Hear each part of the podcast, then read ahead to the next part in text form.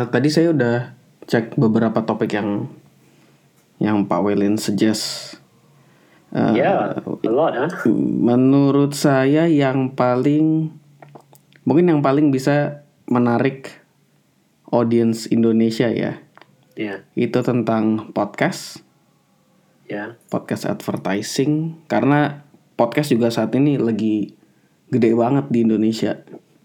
Yeah, dan SpaceX oke sih karena ini something people that kebanyakan orang mungkin nggak tahu gitu tentang billboard ads di luar angkasa ini dan mungkin ini jadi sesuatu yang menarik aja gitu. that's uh, yeah, that's uh, really uh, what the fuck kind of. Iya. Siapa yang lihat ya ini tapi? Uh, Terus saya lihat uh, di artikelnya tuh uh, dari daratan dari bumi itu nggak bisa dilihat gitu. Sa- Satelitnya nggak kelihatan. Itu yeah, buat yeah, apa jadinya? not. It's so small. Toh pun kalau misalkan uh, oke deh uh, ini let's say ada satelit ya.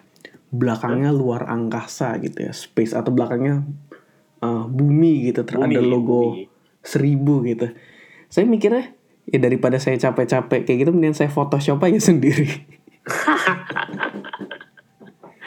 yeah, I guess I guess that's fine. I'm sure there will be lots of memes,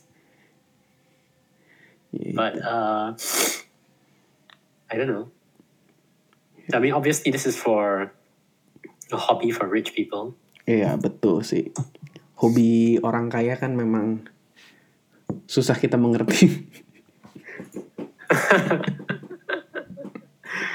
Uh,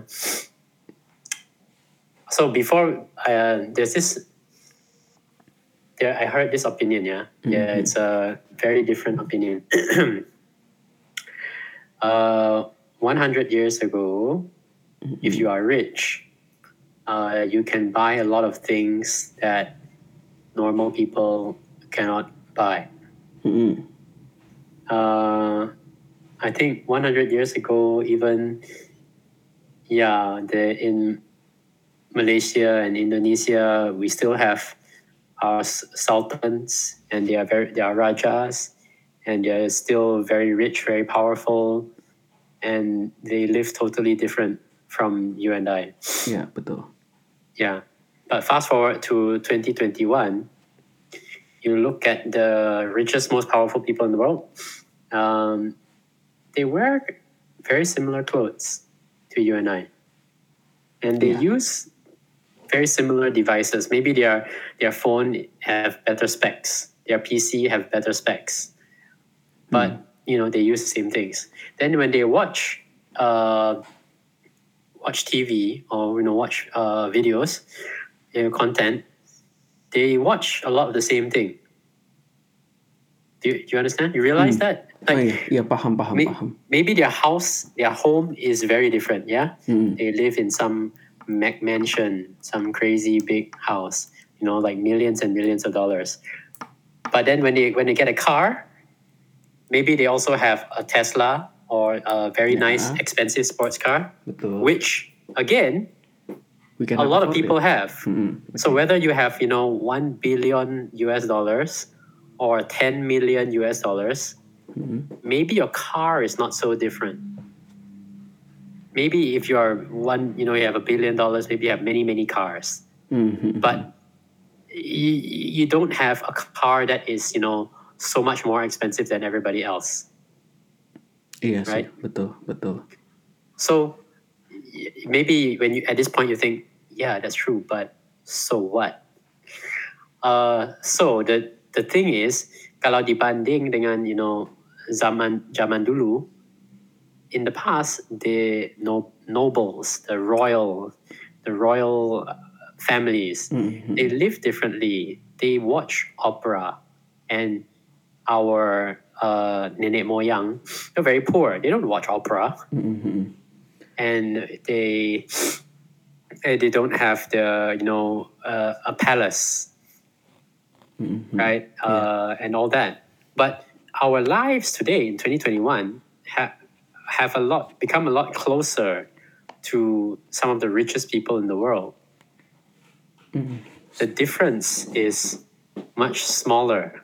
Betul. So- Zaman dulu gapnya jauh banget kan sekarang. Yeah, you, you totally cannot understand because the books that they read, you never even heard of those books. Mm-hmm. Because you know we're poor. Maybe we get to go to school, but at school maybe they teach us how to you know be a good uh, librarian or be a good accountant. You know, maybe they teach us that. They don't teach us about political philosophy or you know uh, uh, how to run a country. You know, Mhm, betul betul. so eh, even just 100 years ago, the life of uh, somebody, you know, a royal family or a super rich person is so, so different from the rich person in 2021.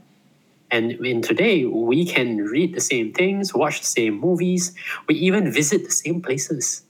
If you're super rich, you still go to Bali because Bali is beautiful. And if you don't have much money, you still go to Bali, but you know you don't uh, stay in the expensive hotel, Mhm, betul betul. right? Isn't Betul. that a bit crazy, right? Dulu saya juga pernah uh, pengalaman ya Pak. Saya jadi sales bank. Uh, waktu itu saya disuruh cari deposito nih ceritanya. Uh, suruh cari funding uh, minimal tuh 500 juta.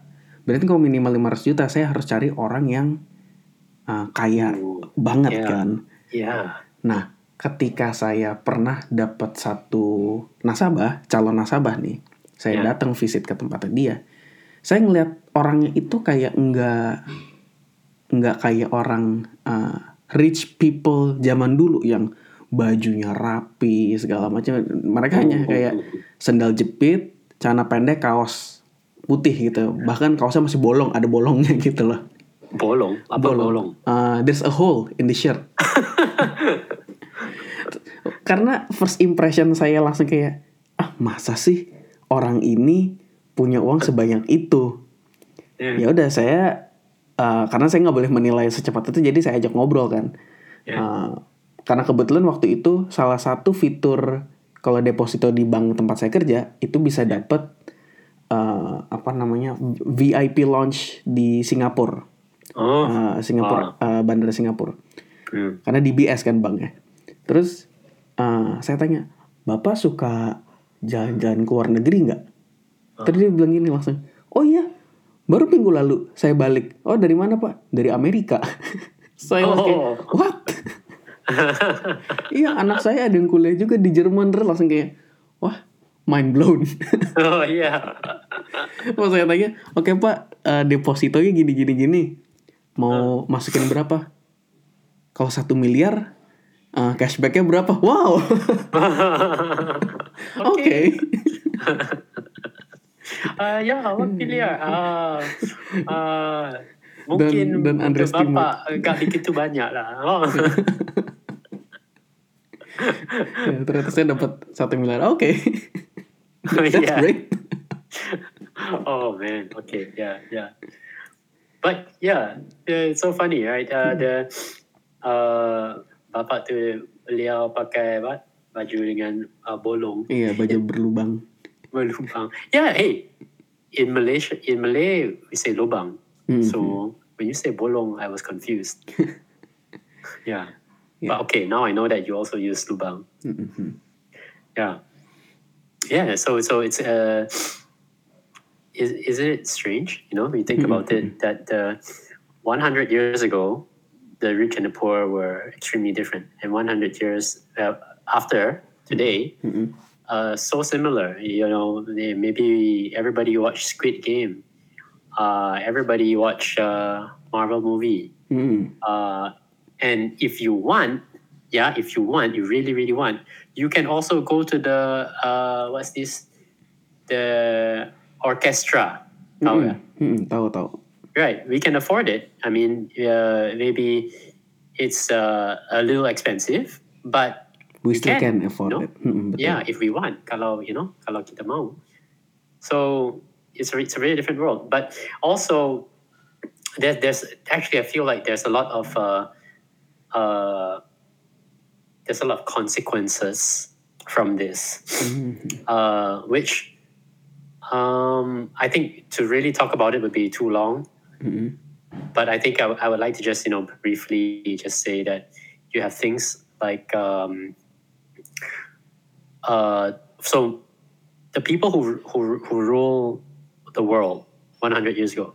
So maybe you say you know uh, they are you know from from young they are taught to uh, prepare themselves for you know uh, running a country or running uh, a state, running a city, right? And their education is like that, and they're they're taught to fulfill that role. Yeah, uh, that's their tugas. But nowadays, no, no. I mean, maybe you know you have the president uh, anywhere in Malaysia, Singapore, Indonesia, and then they grow up like a you know most of the time, uh, they or some of the time, not always, because in Singapore, I think the the prime minister he he probably knew from very young age that he was going to be prime minister, but that's a different story. Uh, so maybe in uh, Malaysia and Indonesia, maybe you know that you know your your father, your family is uh, is powerful, and you know uh, very often your family is involved in politics. So maybe you have a bit more experience with that, but you still go to you know a lot of the same school, and you still go uh, take a lot of the same exam.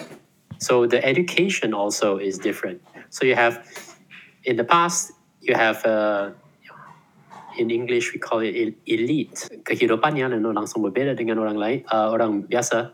But nowadays, you know, uh, untuk kelompok elit memang banyak persamaan dengan uh, orang biasa. So maybe the perspective is different as well. You know, you had in the past the the viewpoint of the people, you know, the elite today and the elite in the past. Cara pemikiran, you know, kami uh, elite ataupun orang biasa agak dekat. You know, there's a lot of uh, similarity. Mhm, betul betul. Yeah, and I think uh, ternyata I think this is shown. Yeah, a lot of things that uh, if you look at maybe if we look at the newspapers from today and 100 years ago, it'd be very different as well. Like today, uh, whatever the elite talk about, you know, we can also understand. You know, it's a a lot of things are very accessible. Also, you know, because also we also need to choose our government. So our leaders have to make sure that they tell us things that we understand in that way. Okay, I think that's that's that's that's all I'm going to say about that. Uh, But yeah, the so going back to this the um, space billboard. so that is something really unique and different because uh, there are there are not that many things that you know uh, the rich can really buy, but we you know uh, normal people cannot buy. They're not the the list of things is smaller compared to 100 years ago, and this is definitely one of those things. A space billboard is definitely one of those things that I am not going to buy that. Iya, saya juga nggak akan beli sih. Ya makanya tadi saya bilang lebih baik saya Photoshop aja. yeah. I think we just do the memes. Okay. Yeah, yeah. Maybe this is the difference, you know, people who can Photoshop and people hmm. who cannot Photoshop. You and I are the elite. Iya, Angga. iya. Kemarin saya juga ngeliat ada yang sejenis kayak gini, eh, kayaknya berhubungan sama NASA atau SpaceX ya. Eh, Ya. Jadi ada satu momen orang-orang kaya ini bisa pergi berlibur ke luar angkasa. Yeah, yeah, yeah, yeah. Dan Uh, tahu tak Richard uh, Branson tuh? Ya, The- saya saya pas baca, wah seru nih, berapa nih? Kayak saya pikir kayak eh maybe around ya 50 million or 100 million thousand rup apa 100 million rupiah gitu kan saya pikir. Ah. Tapi pas saya ngeliat harganya, wah sorry nggak jadi deh. Lebih baik untuk biaya hidup aja. Ah, berapa harganya? Orbital trips can have a 58 million dollar price tag. okay. Uh, yeah, I think maybe that's too much. Yeah. Iya, itu ini too much, too much banget. yeah, yeah. So there are still some things that are obviously uh, super expensive that you know they're still different. But I think ternyata uh, is not the same as before. Like in the past, you know, yeah, everything everything rich people use is totally different from everyone else, normal people. But now not so much. Now it's uh that's that uh the difference yeah is becoming smaller every day. Mm-mm, betul. Yeah. You know that you can buy a star? Did you know that? Hah? Kalau beli pulau saya tahu, beli bintang saya nggak tahu. Yeah, yeah, yeah. You can Google it. Like anybody who I know our audience who's listening, if they if you Google it, you know, uh, beli bintang, you know, buy a star. I think there's some uh, I don't know university, uh, some some organization, they will they will give you the star, and it's allowed. It's legal. You are the owner of that star. Now, of course, maybe you cannot, you know, visit your property. Tapi uh, uh, palingnya, you know, it's still yours. And I think for- it's not but that for what? expensive. huh? For what? For what? I don't know. I don't know. Maybe if you can uh, buy a star and then you can, you know, like in the science fiction movie, you go to sleep for 500 years. Mm-mm. And then when you wake up, you know, masih pegang the document, yeah. Oh, yeah, yeah. Can I go to my star now? Maybe you'll be very, really rich. Mm-mm. What's the most expensive metal or mineral? Rhodium, the most uh, the most expensive uh, precious metals. Rhodium. Oh, yeah. So maybe you go there and then you have like, you know, a planet made of rhodium. Then you can be richer than Elon Musk.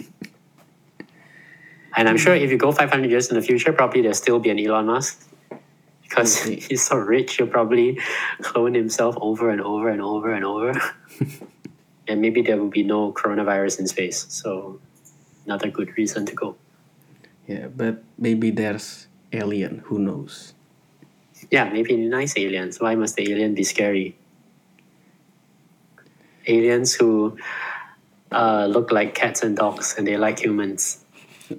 That's cute. But how about the aliens look like uh, yang kayak ada di film Alien itu, yang mulutnya kebuka? Enggak, mengapa kamu pesimis nih?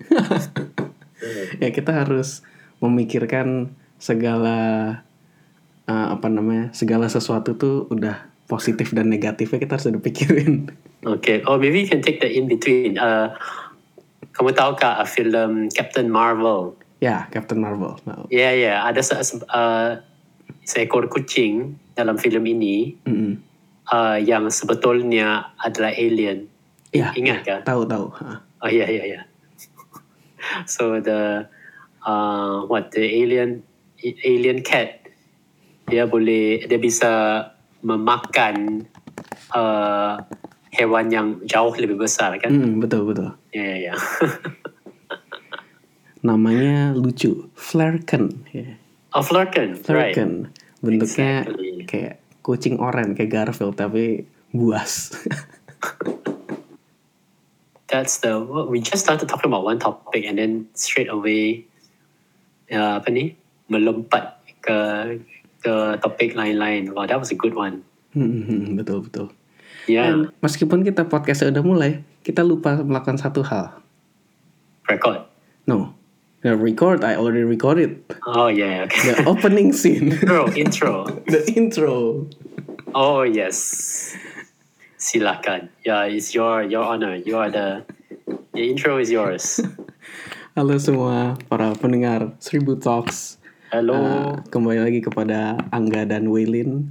Uh, Yes, mohon sir. maaf karena intronya kita taruh di tengah-tengah, bukan di depan. karena kita udah keasikan ngobrol. Sampai kita lupa. yeah, you can edit in. Ya. I think we must uh, advertise ourselves. We didn't know, we didn't know that podcasting is such you know a big big uh, industry. Ya, Right. betul, betul, betul. Tapi belum ya kami tahu ni ya, sudah kami sudah mulain dengan you know uh, pembuatan podcast. We are ahead. Of, we we were we were doing the cool thing before we even know. Good job. Good job for us. yeah. and good job, good job to our listeners for choosing the correct podcast. Podcast di Indonesia itu sampai dipromosiin besar-besaran ke acara TV. Ya kah? Mm-mm. Ada satu TV di channel wait, Net Net TV di Indonesia. Hmm. Dia ada acara namanya The Tonight Show. Biasanya kalau Tonight Show ini mirip kayak kalau di Amerika Jimmy Kimmel, uh, Jimmy Fallon kayak gitu. Biasanya ngundang kayak artis, musisi, youtuber gitu. Tapi kadang-kadang mereka juga suka uh, support si podcaster lokal ini. Diajak lah ke TV di ajak kayak kenapa bikin podcast dan lainnya dan mereka benar-benar dipromosin abis-abisin uh, abis-abisan di uh, di TV gitu. Dan satu hal yang sangat uh, menurut saya menarik soal podcast di Asia ya terutama Ya. um, nggak nggak usah Asia sih kayak in- uh, saya belum tahu sih Asia iya atau enggak tapi saya ngeliat di marketnya di Indonesia Uh, kalau misalkan kita ngeliat youtuber ya uh, youtuber selalu kita nonton YouTube mereka selalu bilang uh, don't forget to like subscribe uh, subscribe and like this video and share it to your smash friend the like button. Yeah, smash the like button. But uh, tapi mereka tuh nggak pernah yang namanya mengajak uh, audiensnya itu untuk jadi youtuber. Hmm. Saya Ya, selama, pasti uh, selama ini saya nggak pernah dengar soal itu. Tapi Hmm. kalau misalkan saya dengar podcaster di Indonesia ya selama Ya. ini, mereka itu selalu mengajak orang lain untuk jadi podcaster. Oh, Nah, jadi eh, di tengah-tengah biasanya saya selalu dengerin selalu sama, selalu sama sih. Saya nggak tahu ini iklan atau mereka memang eh, inisiatif untuk ngomongin ini. Dia suka ngomong gini. Oh iya, kalau misalkan kalian mau bikin podcast nih kayak kita juga, eh, kalian bisa pakai Anchor FM. Itu salah satu toolsnya Spotify resmi dari Spotify. Bikin podcast gampang. Terus dia mereka ngasih tahu eh, step by step how to create a podcast. Yeah. Oh, Some- that's interesting. Mm-mm. Dan itu interesting banget sih menurut saya kayak gitu. Oke, dan uh, I- di sini saya mau bagi penjelasan kepada pendengar pendengar ya. Hmm. Uh, kami tidak disponsor oleh Anchor FM atau Spotify. Semoga nantinya disponsori oleh Spotify dan Anchor FM. Now we will accept their application. Yeah. uh, harus ditunggu ya. There's a waiting line. uh, oh, I didn't hear of that before. Saya ya belum pernah uh, mendengar uh, podcast di mana hostnya, you know, men- menjemput, mengundang audience, you know, menyertai uh, ini fenomena podcasting. Hmm. Uh, so that's that's new to me. Di Singapura but- atau Malaysia Oh, gimana? Eh, jujurnya, I think. Um, so I shared a couple of. I shared, I think, three uh, articles about the podcasting uh, industry. Uh, tapi eh, highlightnya, you know, eh, membicarakan uh, podcasting di Indonesia dan di Asia, tapi Malaysia belum, you know, um, belum ditonjolkan. Hmm. And it seems that maybe in Malaysia we- we're a bit slower to uh, mengadopt adaptasi, no, Mhm. adopt this uh, practice. Okay, uh, lihat ni, one of the highlights. Globally, one in three people listen to a podcast each month, with penetration rates varying across key markets. Hong Kong, 55%. Taiwan, 47%. Spain, 40%. USA, 33%. Australia, 33%. Singapore, 32%. The line line, I think I'll stop there. Mhm. Um, and then the last one is the UK. UK cuma uh, 18%. So I think uh, it's obviously, you know, not, it's not, podcasts are not, belum capai uh, puncaknya, you know. Mhm. I think there's still a long way to go. and it, there's some in another article. Uh, Spotify, yeah, Spotify Southeast Asia has created more than 20 original local products Mm-mm. since they launched their branded podcast offering with a focus on good quality local content. Mm-mm. Then uh, penjelasannya, Indonesia is leading the charge, followed by the Philippines. So I think what they're saying is uh, there are a lot of uh, high quality local podcasts being created in Indonesia, followed by Philippines, Mm. mengikut Spotify. Iya. Iya Yeah, sih. so big trend. trennya besar banget sampai eh, ya saya awalnya pikir eh, kalau di YouTube ya kan kita suka dapat iklan eh, YouTube ads gitu sama kayak seperti di Spotify kita ada Spotify Premium kayak kayak gitu kan Oh, yeah, every day. nah everyday tapi eh, ada suatu momen tiba-tiba iklannya itu adalah eh, podcaster lokal yang mengiklankan podcastnya dia sampai eh, udah ada Spotify ads-nya juga gitu saking besarnya tren ini di Indo. Oh, Saya nggak tahu sih kalau di luar, saya kan belum pernah coba ya Spotify pakai VPN gitu, terus dengerin iklan luar gitu. Ada sih beberapa iklan luar, tapi mereka lebih ke arah brand biasanya kayak ya YouTube ads.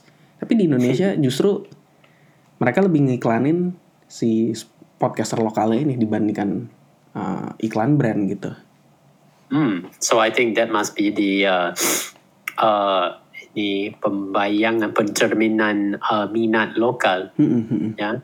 Mm-mm, So betul. um, obviously, uh, Spotify. I think that uh, Indonesians love to you know uh, hear good quality conversation, and uh, so that's why they're trying this out. I'm. I can tell you. I think.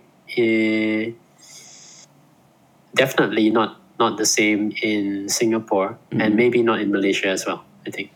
Hmm, hmm, hmm. Mm.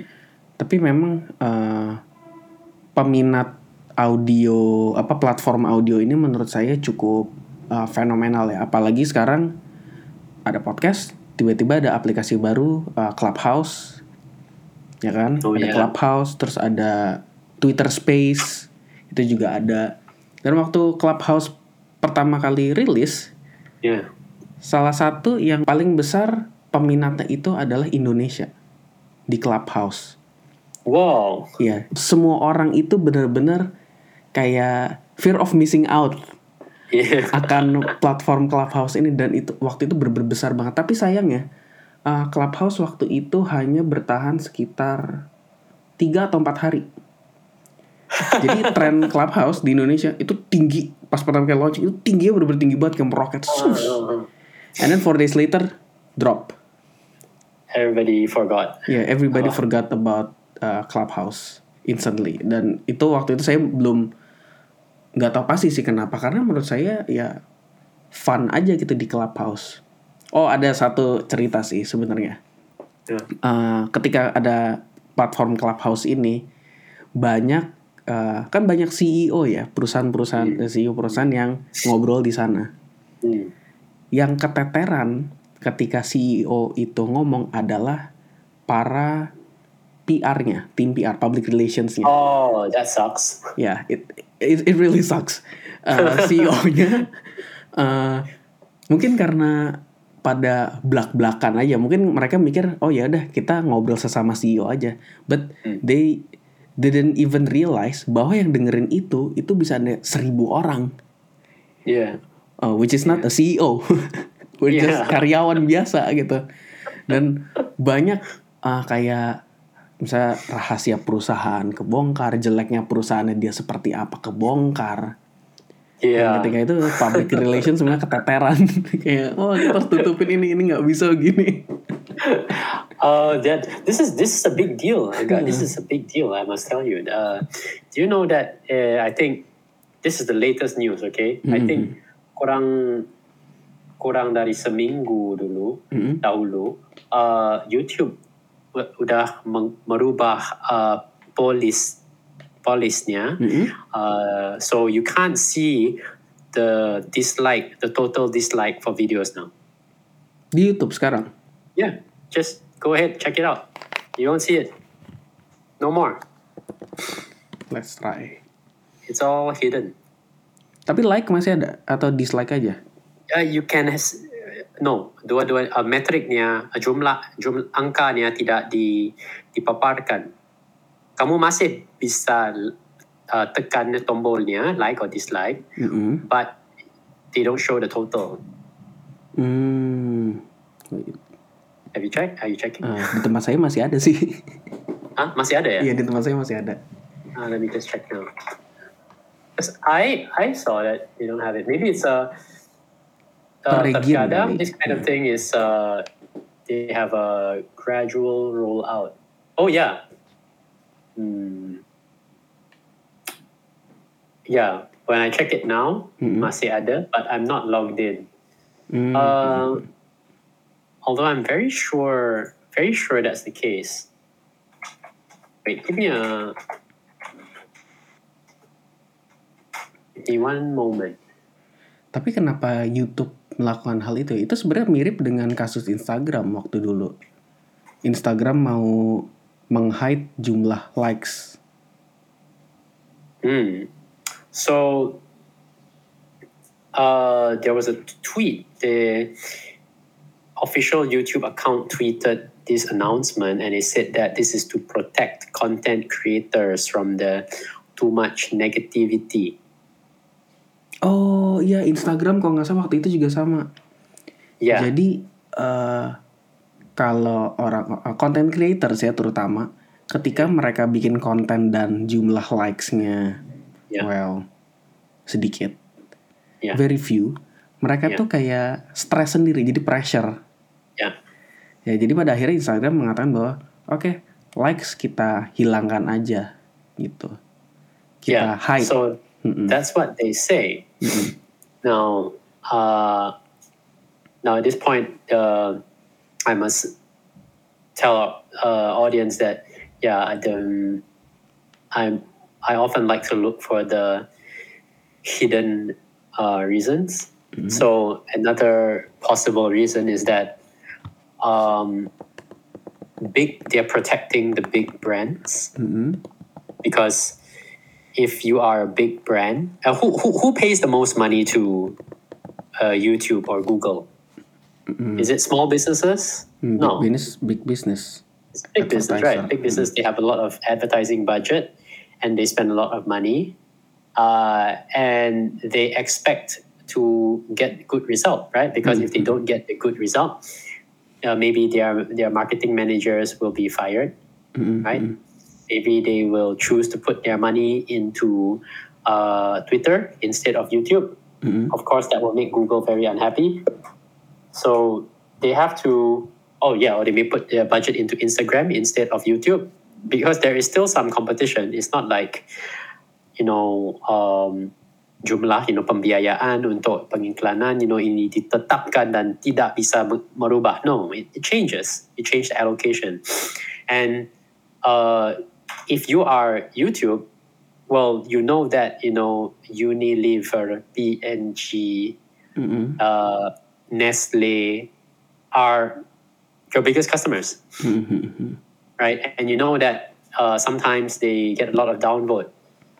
Their videos get a lot of dislike. What's going to happen? Well, when their agency, you know, uh, reports to the client, reports to PNG head of marketing that, oh yeah, we, we, some of our campaigns are not very successful. Not only we didn't get the likes, actually got a lot of dislikes. Well, what's going to happen, right? Mhm. Yeah. So uh, I think that's uh, that might be part of the reason. Yeah. I wouldn't sih. be surprised. Hmm, bisa sih masuk akal. Saya beberapa kali ngelihat contoh ya, ngelihat iklan Gojek, iklan Grab, uh, muncul terus nih viral di apa namanya di YouTube iklan. Tapi pas saya kan kita bisa ya buka uh, video yang diiklanin itu. Ada beberapa biasanya beberapa ada pilihan. Pas saya buka jumlah dislike itu sangat banyak banget. Yeah. Dan isi komentarnya orang-orang pada bilang iklannya spam banget sih. Terus semenjak itu saya mulai-mulai baru-baru ini kayak ngeliat lagi uh, biasanya komen setiap uh, konten video yang diiklankan sama uh, brand atau agencies komennya selalu dimatiin. Ya mungkin salah satunya karena itu kalau misalkan agency yang report ke brand terus hasilnya oh ya ini hasil video begini dislike-nya sebanyak ini dan komennya begini semua. Ya brand akan bilang wah lu uh, you failed as uh, apa namanya you failed uh, dalam memegang campaign ini gitu. yeah, Ya sih. yeah, definitely. So, uh, it's it's very sensitive. I mean, for I mean, what do you, what the people what do people say? They like to say, follow the money. Peribahasa.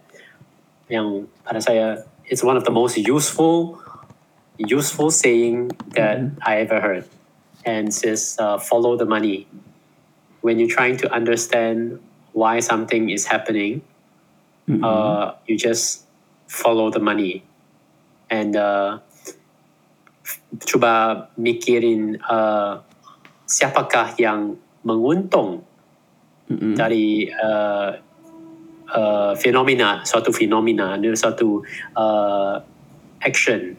And the really important thing is uh, if you think about how often you know you see something you know you see something that happened in the world and you don't really understand like oh why is that why is that happening like that? Uh, biasanya if you think about you know siapa yang beruntung you can kind of you know understand. Let me think of a try to think of an example. Hmm, boleh boleh contoh. this is a dangerous one. Don't want to i don't want to get in trouble so i'm going to say it very carefully. Okay. Um, so in the pandemic, right? Uh, we very early on, you know, we have no, we have no vaccine. we have no uh, proven medication to uh, fight the virus. Betul. But now, when we had when we had a weapon, it was the vaccine. Yeah. Hmm, hmm. Yeah. And then, um, have pernahkah kamu, you know, uh, memikir mengapa uh, kami belum mencoba, you know, mencari uh, obat yang udah apa ni pra ada, Mm-mm. existing, Mm-mm. yang mungkin boleh uh, men, mencegah, kah? mencegah Ya, virus betul. ini, right? Iya iya. Pernah sih kepikiran kayak gitu. right? Why is it that when we have a solution, it is the one that costs a lot of money? Because pastinya, you know, there must be a, a, a way. You know, very often we use, but you know, kami tahukah, you know, banyak obat yang dimakan untuk tujuan yang uh, beda dari tujuan asalnya. It happens, right? We do that a lot Betul, uh, betul. as human beings. We find that oh, in the uh, obat ini, oh, ya asalnya uh, untuk uh, batuk, tapi uh, dia, you know, kemudiannya research research menunjukkan oh ini juga uh, berkesan untuk something something. Hmm, banyak banyak kayak gitu sering sih. Right. But why didn't anybody do something like that? Right. It's very suspicious that oh well the the one the option that we have is the expensive one. So if you follow the flow of the money, like where is the money going? Very often you get an answer. Now sama ada you know uh, jawapan yang didapat itu adalah yang betul, adalah yang paling baik, belum tertentu. Hmm, hmm, hmm. right? But you can understand the world. Like you'll be surprised that kalau you know kamu mengikuti peribahasa yang follow the money, then very often you'll be able to find some kind of uh, discovery. Kan si COVID ini, eh, kita bukan expert, nah, kita disclaimer kita bukan expert di sini, tapi kita hanya Yeah. eh, mengutarakan eh, pertanyaan kita aja kita yang an- yang nyangkut di pikiran tapi belum pernah kita tanyain. Jadi COVID itu kan sebenarnya virus yang sebelumnya pernah ada kan. Dia SARS something gitu nama virusnya. Dan dulu SARS juga pernah ada. Oh. Eh, kenapa kita nggak pakai obat yang waktu itu? oh, actually, this one I can I can uh, answer for you, Angga. Oke, boleh. the because it is the same family, yaitu uh, the family of virus called coronavirus, Mm-mm. but it uh, it is still a different virus. That is, Mm. uh, yeah, we. I mean, eh, like the same family of things can be very different, right? Like there are small dogs and big dogs, and they look very different. Right. Oh, oke oke oke. Yeah, so they, we have the same category that is coronavirus, but they are different in many ways. Hmm. Yeah, that one. Yeah, it's pretty pretty easy. Tadi sih sebenarnya saya pengen ngobrolin soal uh, Black Friday sih. Oh, what about Black Friday? the Black Friday phenomenon. Uh, sebenarnya mungkin banyak pendengar uh, Indonesia itu zaman dulu kita belum ada yang namanya 11 11, 12 12 yang kayak gitu. Kita cuma bisa ngelihat dari apa yang Amerika lakuin. Wow, ada Black Friday, wah diskon seru banget. Kok nggak pernah ada sih Black Friday di Indonesia? Well, Yeah. Black Friday is a thing in a specific country gitu. Black Friday hanya ada di negara yang merayakan Thanksgiving, betul kan? Yeah. Dan ternyata uh, impact dari si Black Friday ini itu apa namanya ngefek ke beberapa negara lainnya yang pengen punya fenomena yang sama gitu. Yeah. Contohnya yang paling menarik adalah di Cina. Kemarin tanggal 11-11, ternyata di Cina itu adalah single day Yeah. atau hari jomblo nasional. Dan Job. eh, dan di That's uh, bachelor. kenapa? Uh, jomblo is uh, Single. Orang yang belum nikah lah. Ya, betul. Oke, oke. Jadi ternyata eh, single day itu disebut di Tiongkok atau China sebagai eh, unofficial public holiday uh, for single people uh, who want to shop gitu. Jadi mereka kayak uh, memuaskan dirinya dia dengan belanja gitu biasa orang-orang single ini. Hmm. Dan ternyata yang menarik adalah Jack Ma, Hmm. pendiri Alibaba, dia melihat be- behavior ini dan dia mencetuskan 11-11 sebagai uh, event diskon besar-besaran. Yeah. Heeh. Dan sampai disebut sama salah satu uh, website nama Fortune disebut sebagai uh, Black Friday Black Friday on steroid. Karena kalau Black Friday kan cuma kan tiga hari ya. Black Iya. Friday tiga hari. Ini 11-11 itu cuma satu hari. Jadi semuanya tuh orang-orang kayak overconsume gitu. Over Hmm. buying dan lain semua jadi beli itu di sana. Dan ternyata efek dari uh, Cina membuat 11-11 efeknya ke Southeast Asia yang ingin Iya. membuat hari yang sama yaitu ada 11-11 dan 12-12. Uniknya di Indonesia kita uh, dari pemerintah nih langsung dari presidennya menyatakan uh, kita di Indonesia punya namanya Harbolnas. Hari Harbol- Belanja Online Nasional. Oh, is that real? Iya, it's real, it's real. Uh, Hari jadi hari belanja online nasional ini itu setiap tanggal 12-12 Oh. dan Harbolnas ini diawali oleh enam e-commerce besar di Indonesia. Jadi waktu itu ada Lazada, uh, Zalora, Belanja, Pink Emma, Berrybenka dan Bukalapak. Ah. Nah, mereka ini semua yang mencetuskan uh, Harbolnas. Waktu itu pertama kali dibikin tahun 2012. Jadi 12 12 12. Yeah. Nah, tujuannya sebenarnya untuk mendorong dan mengedukasi masyarakat Indonesia tentang Ya. mudahnya berbelanja via online. Tapi ternyata Yeah. uh, makin ke sini yang namanya Harbolnas itu udah kayak bukan sesuatu yang sakral lagi. Kan kalau uh, kayak Black Friday ya Black Friday acaranya ada di November aja gitu kan. Yeah. Sama Harbolnas cuman ada di Desember aja.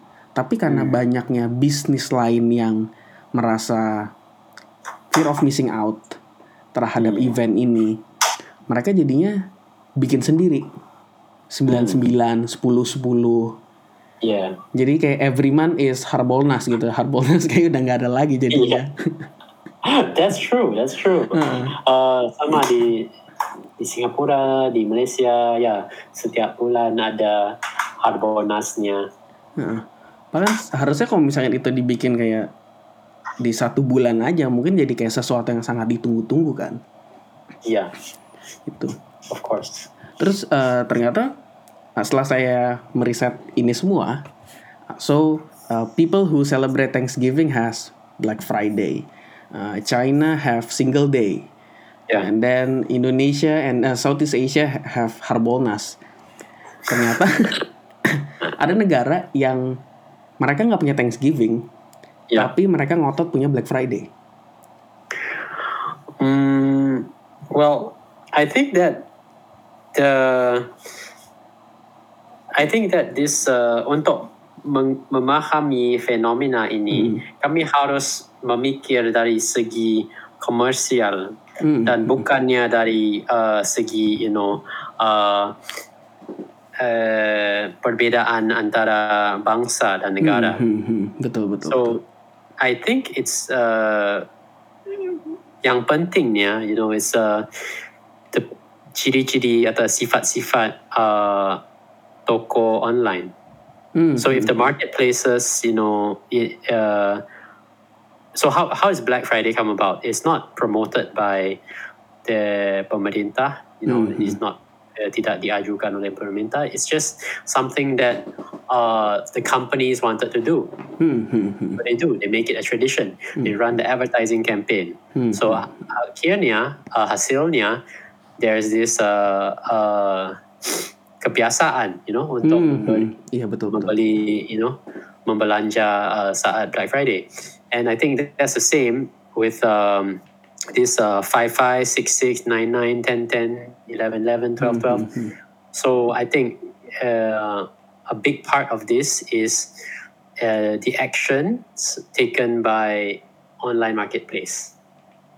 Iya. So uh, Shopee, Lazada, dan lain-lain, and in, they they are the ones who encourage, ya mendorong, mendukung uh, fenomena seperti, seperti ini. Hmm, hmm. So it's not coming from the people, it's not coming from the government, it's coming from the uh, E-commerce. companies. Nah, ada companies betul. Yeah, yeah. Dan ternyata I mean, Hmm? no, like seperti yang kamu sebut tadi, you know, the uh, in 2012, the pemerintah, uh, you know, uh, meng, mengajukan this uh, Harbonas, but afterwards, you know, it was not as popular, right? Hmm, betul betul. Instead, what become popular is what the companies put their money to promote because they have a lot of money Hmm, hmm, hmm. and uh, they have it is their purpose yeah their purpose is to sell more things so it makes sense for them to keep promoting and promoting and promoting uh, all this uh, festival you know festival but yeah so yeah i think that's where it comes from Hmm, hmm, hmm. Betul sih, betul sih. Terus eh, saya juga sempat menemukan sesuatu. Well, as Black Friday phenomenon goes global, seperti yang Harbolnas dan kawan-kawan, ternyata ada juga negara yang merasa eh, Black Friday ini harusnya di ban. hmm. Dan negara itu adalah Perancis. France. ah, So, eh, saya ada baca news sih di CNBC. yeah Eh, dia mengatakan bahwa di Prancis eh, waktu tahun 2019 itu banyak banget yang aktivis French aktivis mereka berhenti eh, memblokir depan Amazon headquarter Amazon yang di Prancis Hmm. dan mereka mengatakan bahwa uh, the planet burns, oceans die, and we still want to consume, consume, consume, and therefore produce, produce, produce. Ya karena yang kita tahu ya namanya uh, ketika Yeah. ada Black Friday pasti orang kan produksi semua kan, dan ternyata polusi terbesar dari uh, produksi terbes eh, polusi terbesar itu 90% dari pembuatan katun atau kaos. Dan yang namanya Black Friday kan biasanya rata-rata yang membuat uh, apa namanya eh, paling banyak produk biasanya produk baju, clothing lines gitu kan. Yeah. Terus mereka mengatakan we will not betray our children for a 30% discount. banyak banget kayak gitu tapi uh, meskipun ada yang membenci apa namanya membenci Black Friday dan ingin ngeban Black Friday karena merusak uh, apa namanya merusak alam climate change and, what, and whatsoever love it or hate it ya tetap Black Friday is one of the biggest retail event of the year dan Yeah. uh, ketika apa namanya Black Friday ini muncul, semua brand-brand besar mulai uh, keluarin marketing budget untuk apa namanya untuk ngiklanin produknya dia. Tapi sayangnya untuk small business itu kadang mereka hard to stand out di antara perusahaan-perusahaan besar ini. Dan saya Oh, menemukan ya. ada satu artikel yang cukup menarik. Eh, di sini para small business ini mereka melakukan suatu cara gimana caranya si Black Friday ini bisa eh, orang-orang bisa aware tentang mereka gitu dari campaign Black Friday-nya ini. Mm. dan mereka eh, biasanya ngasih campaign-campaign tentang tentang uh, fundraising biasanya. Uh, salah satu contohnya itu ada perusahaan kaos namanya Kotn K O T N. Saya nggak tahu ini dia Ah. perusahaan dari mana. Nah, di sini diceritain bahwa in recent year uh, we've seen an increasing number of brands switch up their Black Friday marketing strategy by supporting social causes Mm. uh, di sini dia bilang bahwa this Black Friday we are not going on sale Mm. karena uh, mereka tahu bahwa dengan uh, Black Friday ini polusi dan lain-lain kan. So instead we are donating 100% of our sales to build a school. Mm. Dia bangun sekolah di Mesir. Terus juga ada Oh. yang menarik itu uh, biasanya namanya Black Friday itu kan kita mendis uh, bikin potongan harga kan. Yeah. Harganya jadi lebih murah. Kalau ini mereka ngebuat harganya jadi lebih mahal. Mm. Tapi justru dengan alasan sih sebenarnya.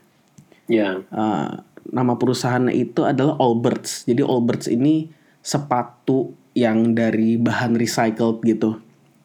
Nah, dia menambahkan setiap barangnya itu tambahan satu dolar.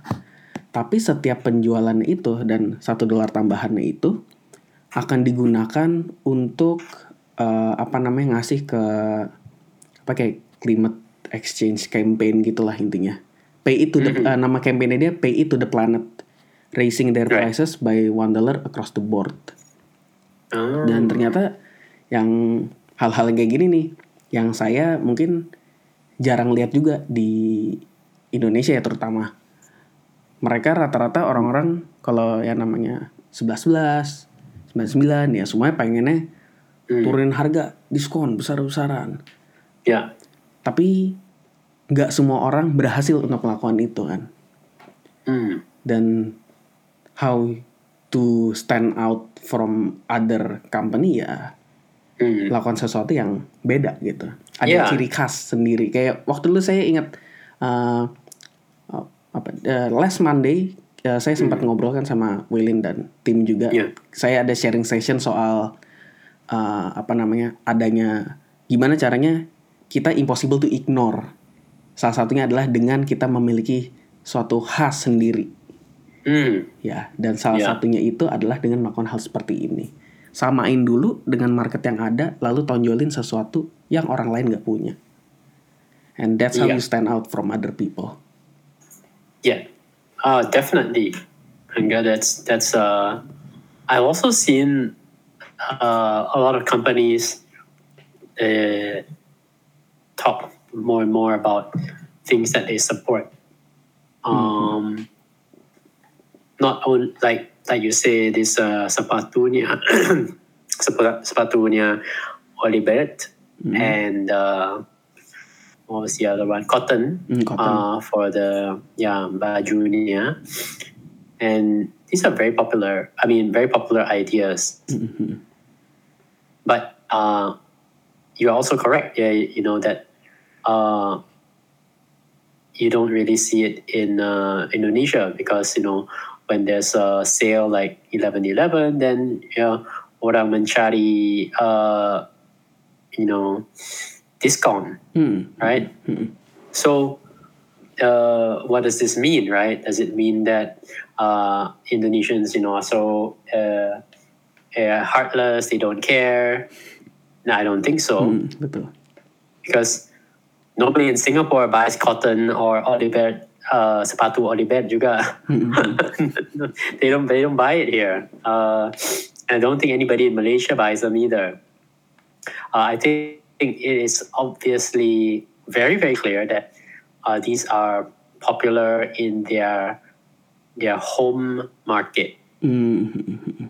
So cotton is designed in Canada, and I think that's where they that's their main market. And then I don't know about Oliver, uh, Oliver, uh, Canada, also from Canada. Also from Canada. Okay. Yeah. Uh, and I'm not surprised that um, Canadian customers uh, put a high value on this. Hmm. Not surprised at all. I mean, if you look at the Canadian Prime Minister, um, Mr. Justin Trudeau, you look at his um, Twitter Twitter feed, Hmm. uh, and you see what he talks about, what he cares about. I think you know uh, dia membayangkan uh, prioritas uh, warga negaranya. He he he reflect these priorities. He care about the environment. He care about equality. Uh, he care about fairness. Uh, yeah. So this this is a perfect perfect you know apa nih Perfect market. selaras. Mhm. Ya, contoh yang yang yang sempurna is uh, the leader and the country and their their priorities are you know aligned. Hmm, hmm, hmm. Iya iya sih betul Ya. betul betul. Yeah, but it's not not the priority for uh, us in Singapore, in Malaysia, in Indonesia. No, Hmm. I don't think so. Yeah, I mean, I think we we still care about getting good quality and getting it at a good quality at a good price. Hmm, hmm, Yeah. So that's what we want. Yeah. But uh, every time, I mean, there's so many companies doing things like that, doing like Olibet and Cotton, and then we always think that, oh, that's so cool. Oh, yeah, you know, we should do something like that.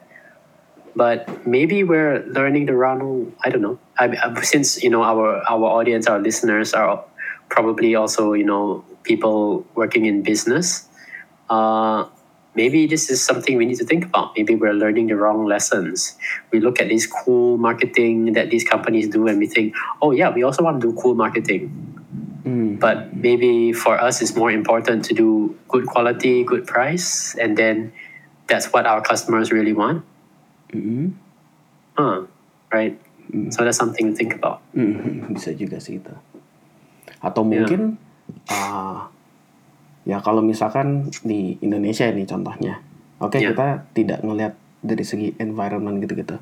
Tapi mungkin kalau misalkan pebisnis-pebisnis pengen stand out gitu misalkan, sebenarnya ki- kita bisa cari kayak social cost apa sih yang lagi terjadi di Indonesia gitu. Terus uh, and apa namanya kayak lagi ada krisis apa nih di Indonesia gitu. Terus gimana caranya kita menjual sesuatu tapi kita juga uh, menyumbang sesuatu untuk uh, krisis tersebut gitu. Ngomongin itu Oh. uh, saya jadi kepikiran uh, dulu saya suka beli kaos namanya Behavior. Ternyata setiap kita membeli bajunya si Behavior uh, se- sekian persen dari penjualannya itu diberikan ke penangkaran orang utan. Karena di Indonesia kita tahu banyak banget kebakaran hutan sedang terjadi, itu pertama. Yang kedua, banyaknya hutan-hutan yang di apa namanya dihancurkan untuk pembuatan gedung, pembuatan bangunan-bangunan ya hotel lah, resort dan lainnya segala macam. Justru menghilangkan rumah-rumah untuk orang utan ini. Hmm. Nah, jadi si behavior ini dia ngasih segelintir lah dari penjualannya itu dengan kepenangkaran orang utan dan kaosnya itu pun juga ada kayak gambar tentang orang utannya gitu sih. Hmm. Ya itu salah satu contoh yang mungkin bisa ya kalau mau stand out ya bisa dicontoh seperti itu. Sesuai dengan apa yang terjadi di negaranya aja. Yeah, yeah, that makes sense. And I think that's very smart. And honestly, it sounds quite quite cool. Yeah. Um, I also want to, you know, uh, lanjutin, uh, you know, topic ini. Uh, there's this piece of news that I, I shared with you on uh, this uh, very popular tech uh, news site called TechCrunch. Um, there's this startup uh, in Singapore called AI Palette. Uh, the news is AI Palette raises 4.4 million US dollars to help companies react faster to consumer trends. So, uh, penjelasannya gini, developing new packaged foods and consumer goods can take years as companies research, prototype, and test products. In society that runs on social media, people expect to see trends uh, move much more quickly. So, AI Palette uses machine learning to help companies see trends in real time and Wow. get them ready for the retail shop, often in a few months. So, uh, um, there there are a lot of companies doing very interesting things. You know, uh, to there it's always like dude, this technology will help companies react faster. You know, respond to their customers on social media, uh, and create engagement and all these other useless things. but uh, the important thing is that uh, there are there are startups like AI Palette whose existence, yeah, and their their purpose, yeah, is to help big big companies see what uh, customers are talking about on social media at a, at a large scale. So they will see a lot of social media posts and see what the hashtags are and see what is relevant. You know, apa yang paling relevant untuk uh, perusahaan uh, yang berkenaan, whether it's you know uh, for cookies or you know uh, Indomie. So you try to identify the trends. Now, if you have all these, you know, creative new startups, you know, helping big companies to uh, react faster, uh, create, you know, uh, create products uh, that are attractive to customers, to consumers, you know, apakah gimana what are the chances for small companies to succeed, right? Mhm. biasanya you think of it as oh no you know uh, kalau you know uh, perusahaan, perusahaan saya kecil you know tidak mempunyai kapital yang banyak then ah gimana you know mau bersaing ni Ah ya. how can I succeed right Mhm. uh, and I think what you said about the uh, the the the the, the, the uh, perusahaan yang membuat kaos dengan orang hutan tu apa namanya Behavior. behavior, right? I think something like that is the answer. They don't need uh, a big, big data trend analysis. You know, they- not necessary. Tidak wajib. I mean, they had a good, they have a good idea, and you know, uh, it's style. You know, it's about style, and it also is about uh, alam, right? Menjaga alam, and I think that's good enough. And I think you have when you have creativity, maybe that's the way that smaller companies like ourselves and also you know our audience, maybe this is the way that smaller companies can succeed. Because smaller companies, you know, they never have as much money as the big companies. Iya Tidak pernah pada right? Big companies are always big. And they always have people trying to do the best analysis, give the best ideas. It's always like that. Tidak, you know, tidak pernah uh, merubah. It's just like that. But small companies uh, always we always hear this success. Selalunya ada you know perusahaan kecil yang uh, mencapai kesuksesan, you know, and then they become big themselves because they always have creative new ways to succeed. And maybe you know untuk to to to link it all back, maybe that's the way um, for companies like you know our our customers who are listening and for you know uh, ourselves this is the way to succeed yeah Okay, so we can, I think we can call it a day, right? Yes yes yes thank you Oke, uh, closing time. Terima kasih semua pendengar Seribu Talks uh, sudah mau mendengarkan kita, aduh, sudah mau mendengarkan kita ngobrol diskusi tentang banyak hal dari uh, apa aja tadi. Saking banyaknya saya sampai lupa. well, there's so many things you can listen.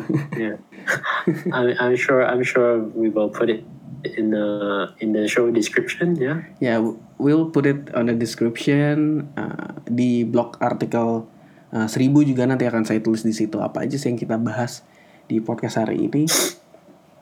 And we'll see you Yep. next week. Oke, next week yes oke Dan. all right thank you audience bye bye semua. Bye bye. have an awesome week yeah